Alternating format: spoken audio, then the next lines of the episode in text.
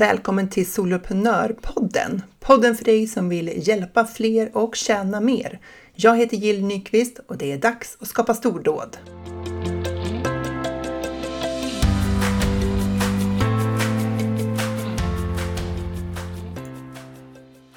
Kan du göra ett halvbra jobb och ändå hjälpa människor och samtidigt känna dig galet nöjd med dig själv? Om det känns som en utmaning, då är det här avsnittet för dig. Men den här veckan har det varit högtryck i mitt företag, minst sagt. Jag är jätteglad för alla nya medlemmar som har kommit in i Soloprenörerna och ni har verkligen kastat er in i Facebookgruppen och hängt med på gruppcoachningen och eh, delat med er av era erfarenheter och kunskaper. Så det är så mycket energi i detta. Superkul! Eh, den här veckan har bestått av mycket workshops för min del. Eh, mycket leveranser liksom. Jag har varit i gruppcoachning för soloprenörerna och jag hade första utbildningsdagen i ett projekt som handlar om att utbilda företagare i Gävleborg och Dalarna i att liksom, jobba smart digitalt, liksom, öka den digitala kompetensen. Och min del i det handlar om digital marknadsföring och den här utbildningsdagen det handlade om att bygga och skapa sina egna webbkurser. Så jag kickstartade med en hel dags utbildning eh, via Zoom. Superkul att träffa alla där. Det har varit mycket tajta deadlines på alla de här leveranserna för att eh, ska man hålla workshops så ska man ju också förbereda dem först. Mm -hmm. Ibland blir det lite tajt kan man väl säga. Och jag är väldigt bra på att eh, eh, göra en plan där jag hela tiden jobbar med det som är närmast så att jag jobbar smart och verkligen fokuserar på det som ligger närmast. Och ibland får man bara liksom ta det som kommer mitt framför näsan och se till att man klarar av det och sen får man ta nästa och så får man ta nästa. Och inte låta sig distraheras av saker som man faktiskt kan förbereda och jobba med längre fram. Så det har varit en sån vecka där det verkligen har varit av största vikt att fokusera på det som var här och nu. Ehm, men vi ska kasta oss in i det här med dina tankar kring perfektion. Alltså, vi får ju anledning att möta många hjärnspöken som soloföretagare. Och precis som monstren under sängen när man var liten så försvinner de ju lite lättare i ljuset, eller hur? Ett sånt där hjärnspöke är att, vi lever, att, alltså att det vi levererar behöver vara perfekt. Eller väldigt nära perfekt. Och det låter ju som en lovvärd ambition att vi ska hålla hög kvalitet på vårt arbete, eller hur? För vilka argument kan vi ha för att vi ska liksom alltid leverera med hög kvalitet? Alltid leverera perfektion. Ja, men man kan ju tänka sig så här, kunderna betalar ju för det här, då måste det ju vara värt pengarna. Eller jag förlorar i anseende eller urholkar mitt personliga varumärke om jag inte levererar i tillräckligt hög kvalitet. Eller jag kommer att tappa kunder om jag inte har hög kvalitet. Och jag har lovat att materialet ska vara riktigt bra så jag måste ju hålla vad jag lovat ja, listan kan säkert göras lång och du har säkert fler argument för varför det du levererar måste vara riktigt, riktigt top notch. Så vad gör vi då för att leva upp till denna kvalitetsnivå? Ja, vi skriver och vi skriver om och det kan ju vara både eh, nyhetsbrev som inte känns tillräckligt bra blogginlägg som inte känns tillräckligt bra eller inlägg på sociala medier som inte riktigt känns riktigt bra. Så vi skriver och skriver om. Eh, vi väntar så att vi kan tänka ut den perfekta lösningen eller det perfekta upplägget på vår tjänst. Så vi liksom väntar in det. Vi frågar många personer om vad de tycker Även om deras svar bara förvirrar oss eftersom det vi får höra kan ju ofta vara helt motstridiga grejer och där står vi liksom i mitten som åsnan mellan två hötappar och så bara aha, blev det här något klarare? Ja. Eh, vi letar bevis ute i världen för att det vi har tänkt erbjuda antingen kommer att funka eller så letar vi efter argument för varför det inte kommer funka och att vi därför behöver förfina vårt erbjudande vilket gör då att det tar längre tid. Eller vi bestämmer oss för att vi behöver gå en utbildning till, en till, ja, för att verkligen kunna hjälpa våra kunder. Och vi ska ju bara läsa den där boken eller lyssna på den där podden för att få lite mer input, lite mer kunskap och inspiration kring hur man gör just det där. Och allt det där låter ju toppen! Det är klart att vi ska vara noggranna och behövs det bearbetas lite till, då ska vi göra det. Och vad är det egentligen för fel på att lära sig mer? Kunskap är ju inte tungt att bära, det har vi ju hört. och fråga om råd, ja, vi ska ju be om hjälp, det är ju en bra sak. Så inget av det där behöver ju vara fel alls. Tvärtom, riktigt bra på många sätt. Om det kommer från en känsla av progress, utveckling, framdrift. Men inte om det kommer från rädsla eh, och undvikande. Om du anar någonstans att ditt strävande efter perfektion handlar mer om att undvika något än om att faktiskt komma framåt någonstans. Då är det fara och färde. Kanske vill du undvika risken för att få kritik, att någon ska kommentera eller ifrågasätta det du gör. Risken att det händer något du inte vill ska hända. Då kanske det snarare är så att du använder perfektionismen för att gömma dig. För att skjuta upp någonting för att undvika ett eventuellt kommande obehag i framtiden. För som soloföretagare, då är vi konstant utsatta för obehag. Så många att de flesta faktiskt hellre springer åt andra hållet eller kastar in handduken för sina företag. För de flesta vill inte kliva fram och säga att de är kompetenta, att de har förmåga att hjälpa andra. De flesta vill inte spela in en video och skulle hellre skjuta sig själv i foten än att klicka på en live-knapp.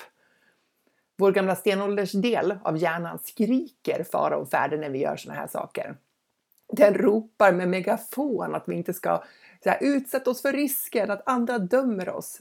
Risken för att andra utesluter oss ur gemenskapen. För då, när den här delen av vår hjärna utvecklades, då innebar det en rätt säker död att inte få vara med i flocken. Och så är vi liksom förprogrammerade att oroligt skanna av tecken på att andra människor kanske tycker på något sätt illa om oss. Men vår hjärna är ju utvecklad för att möta en väldigt liten flock, kanske ett tiotal människor. Och det, det, gick ju liksom då, för 40 000 år sedan, när vi bodde på savannen, då gick det ju att hålla ordning på de här. Man kunde läsa av människorna, man kunde förhålla sig till den här lilla flocken.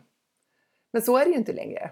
Nu har vi sociala medier och som företagare så är, inte bara använder vi dem till att scrolla igenom dem. Eh, vi är ju med bland de som fyller sociala medier. Vi fyller dem med foton på oss själva, livesändningar, tankar och texter. Så om och om igen utsätter vi oss för risken att bli dömd, bedömd och utdömd av andra människor.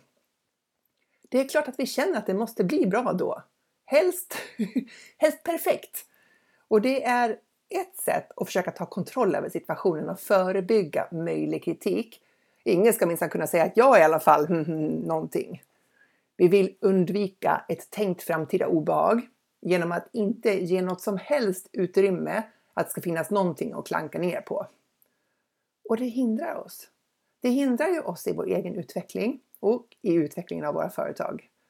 För en tjänst som aldrig blir erbjuden kommer inte utveckla varken dig, ditt företag eller dina kunder.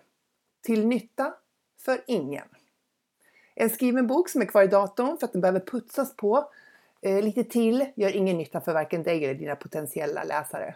Ett nyhetsbrev som inte skickas gör inte någon någon tjänst. Varken dig eller dina prenumeranter som kanske undrar vart du tog vägen.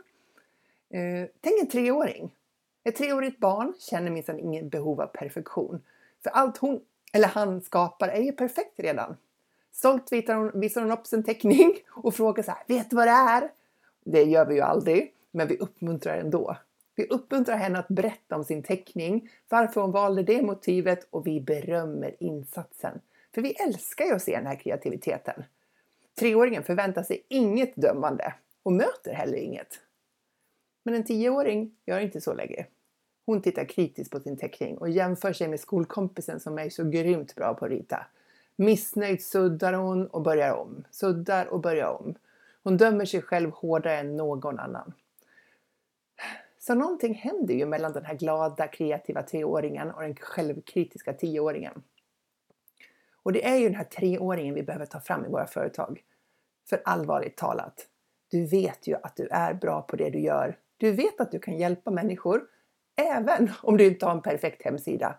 Även om du inte har de bästa fotona eller en kristallklar bild av vad din idealkund är eller hur du ska liksom formulera ett super oemotståndligt erbjudande. Du är så mycket mer kompetent än treåringen som är galet stolt i all sin inkompetens. För hon fokuserar på glädjen i skapandet och ser sina alster i som någon form av kreativt rosa skimmer. Medan du har rädslan för andras bedömningar och din egen. Men kan man verkligen vara galet framgångsrik och ändå inte vara perfekt? Tja, om det vore sant att man måste göra allting perfekt för att lyckas, då skulle det innebära att alla framgångsrika entreprenörer som du ser online, att de aldrig gör några misstag. Har du sett någon av dem göra ett misstag någon gång? Eller gett ut ett innehåll som inte är fläckfritt perfekt? Det har jag. Jag har sett James Wedmore köra coaching över coffee på Instagram med halvrisigt ljud, men han ger extremt mycket värde ändå. Jag har sett Amy Porterfield få skicka ut ett jag ber om ursäkt mail till vad som måste vara en gigantisk e-postlista när hon körde i diket i sitt budskap i samband med Black Lives Matters-rörelsen. Jag har sett Brandon Lucero köra en kurs i 30 000 kronors klassen med stavfel och felsägningar i videosarna. Han berättade dessutom att han under sin lansering skickade ut en pdf som det skulle stå Shift Perspective på. Men de glömde F. -et. Så han skickade ut en pdf med Shit Perspective istället. Den här lanseringen den drog in en och en halv miljoner dollar. Förlorade han försäljning på att det var ett stavfel? Mm, nope, jag tror att det gick rätt bra ändå. Och hur kan det här komma sig? Hur kan, det, hur kan de här stora entreprenörerna, som dessutom har teams runt omkring sig, vara så stora trots att de gör misstag? Trots att de inte skapar perfekt innehåll? Ja, det är väl bara att gå till dig själv. Vill du lära dig av en övermänniska, en robot? Eller vill du lära dig av en människa av kött och blod? En människa som är sårbar, som gör misstag, som ber om ursäkt, som rättar till. Som står för det hon gjort och försöker förbättra sig. En person som äger sitt misstag och jobbar för att göra bättre. För ibland, då går det jättebra. Och ibland inte så bra. Och det här med perfektion och känsligheten kring det. Alltså hos somliga är det här draget tydligare än hos andra. Som det är liksom lite mer avlägset, att det inte har lika stort behov. Och det finns en forskare som heter Carol Dweck som har skrivit en bok som heter Mindset. Som jag verkligen kan rekommendera om du är intresserad för sånt här. I den så beskriver hon hur hon har sett att vi människor har två typer av mindset. Och mindset, det kan man ju översätta med någon form av så här tankesätt. Och eh, hon delar upp det i dynamiskt och statiskt mindset. Och vi har ofta båda mindseten, men i olika situationer. Vi kan ha ett statiskt mindset när det gäller att lära oss, vi säger matte, med ett dynamiskt mindset när det gäller att skapa hemsidor. Så det är inte så att vi har ett enda mindset oavsett vad vi gör. Och vad är detta då? Ja, det statiska mindsetet. Då utgår man från att så här, egenskaper är huggna i sten, i sten, alltså att vi föds med en viss förmåga och det är vad det är, vi kan inte påverka den. Allt handlar om resultat och det blir väldigt viktigt att lyckas eller att vara bäst. Och det här leder till sämre strategier för att lära sig nya saker och man tycker att ansträngning är ett tecken på svaghet. För att det ska komma enkelt. Om jag verkligen är så bra som jag tycker att jag ska vara, då ska jag minsann inte behöva anstränga mig. Det är ett statiskt mindset. Men att det dynamiska mindsetet har lärande och utveckling i faset, i fokus. Att man tänker sig att här, allt går att lära sig och ingen kan i förväg säga vart gränsen går för en person. Det vill säga, ingen kan i förväg bestämma om hur mycket en person kan lära sig. Ett eh, dynamiskt mindset utgår från att ansträngning är bra, att det leder till förbättring och att nuläget är startpunkten för fortsättningen. Så i det statiska mindsetet, då har du en viss nivå av förmåga och allt som ifrågasätter det blir ett ifrågasättande av hela din person. Alla misstag som du gör blir som en riktig attack mot dig som person. För det finns bara två lägen. Lyckas eller misslyckas. Att vara lyckad och framgångsrik eller att vara misslyckad. Det finns inget rum då för imperfektion. Och personer eh, som har det här statiska mindsetet har eh, en mer kritisk syn på sig själv och kanske andra. När du går in i det dynamiska mindsetet, då minskar behovet av perfektion. Du tittar på det som du gör som en startpunkt för förbättring. Så om människor gillar det du gör, toppen, för det är ju superkul. Om det inte riktigt landar som du tänkt, då går du tillbaka och så förbättrar du det om du tycker att det behövs. Men den här gången så förbättrar du faktiskt inte utifrån ett nollläge. Du förbättrar ju utifrån det du redan skapat. Och med, liksom, med dig, med all den förmåga som du har byggt upp, allt du redan lärt dig. Från den punkten börjar du förbättra och det är en oändlig skillnad. Tänk tillbaka bara på dig själv. Vart var ditt företag för två år sedan? Eller kanske ett år sedan? Och har du lärt dig någonting sedan dess? Har du gjort en lansering eh, så har du oändligt mycket mer med dig till nästa lansering.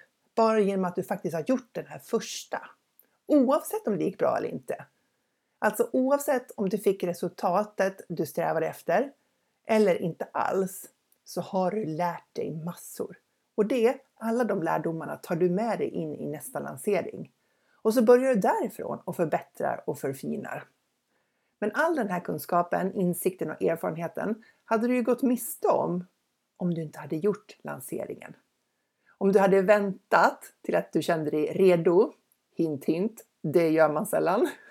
Om du hade väntat tills du var helt säker på att du hade alla bitar på plats, vilket vi typ aldrig har, och om du hade väntat på exakt rätt läge, vilket vi ju faktiskt oss emellan båda vet aldrig kommer. Så du hade fått skjuta på din lansering i oändlig tid om allt det här skulle vara uppfyllt. För de här sakerna de sammanfaller sällan eller aldrig. Min första webbkurs tog oändlig tid att göra och sen la jag ner den. Min andra webbkurs gick betydligt snabbare och sålde ändå hyfsat. Och min tredje webbkurs gjorde jag i rekordfart och fick galet nöjda kursdeltagare. Tänk om jag hade sett den där första webbkursen som ett bevis för att nej, webbkurser det är bara galet mycket jobb, omöjliga att sälja. Jag eh, misslyckades där. Då hade jag ju slutat där. Det hade ju varit slutpunkten. Men istället så blev det starten på ett helt företag.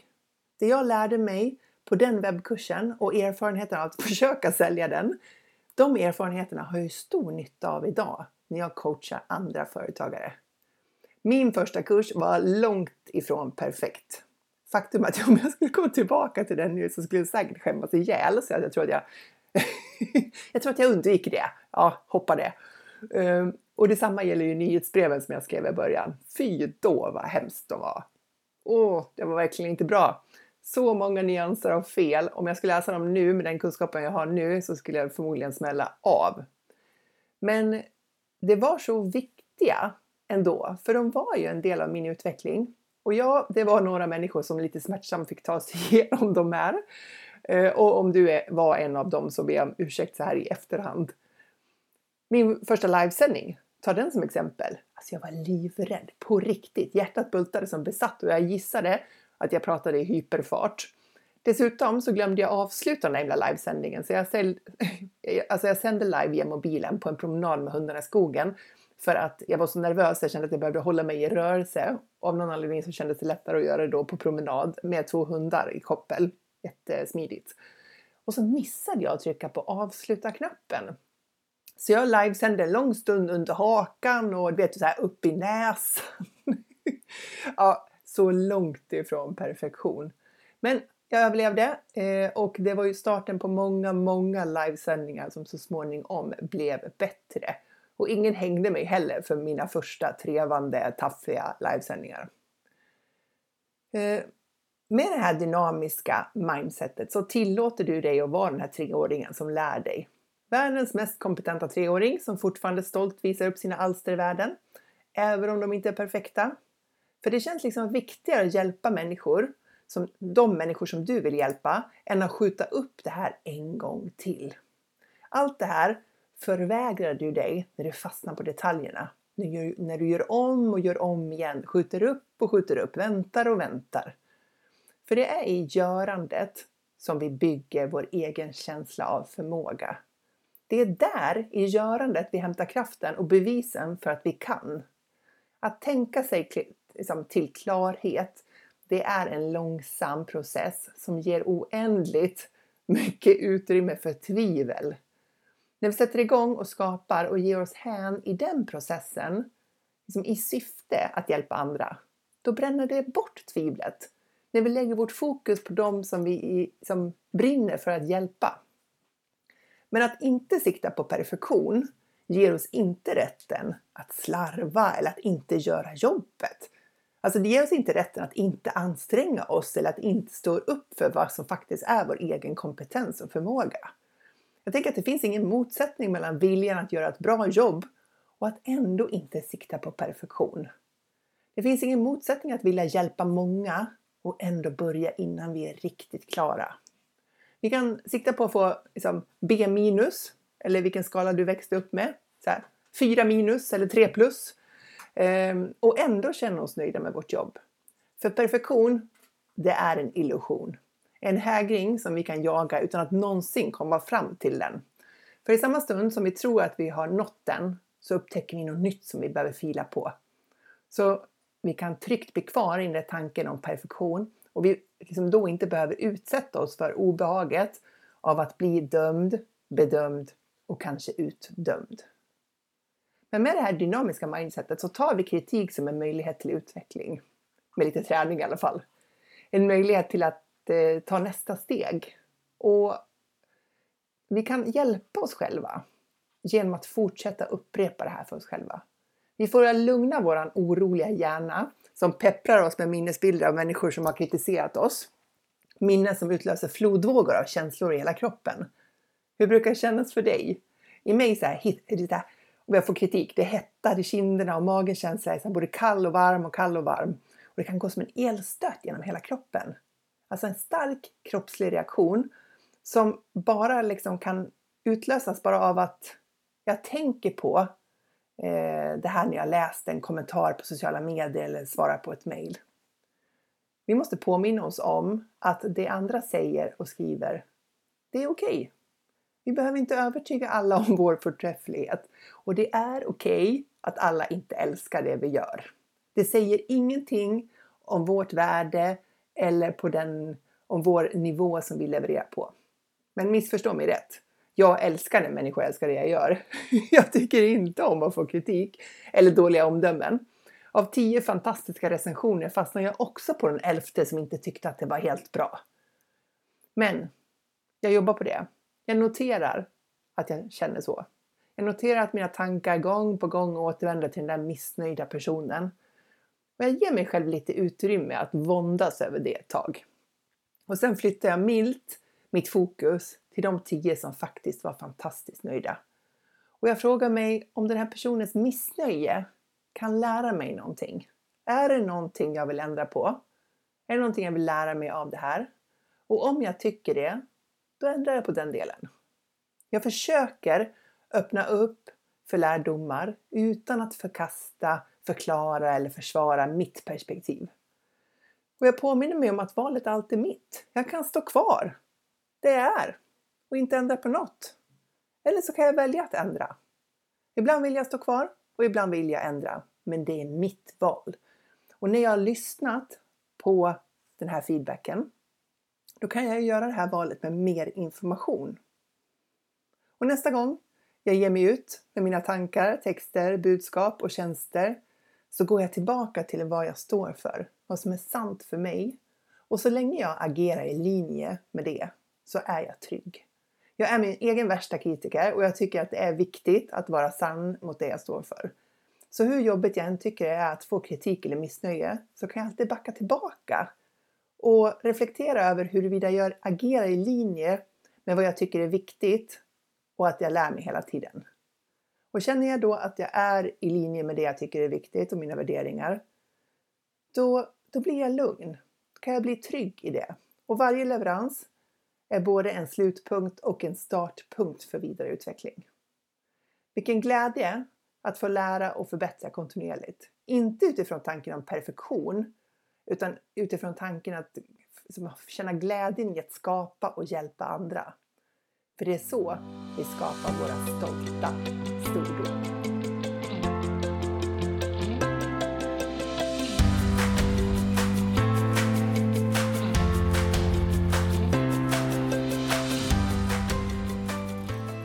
Stort tack för att du lyssnar på Soloprenörpodden. Jag är så glad att ha dig här och tusen tack också alla ni som ger mig feedback på podden. Det, är, det värmer ett, ett poddhjärta.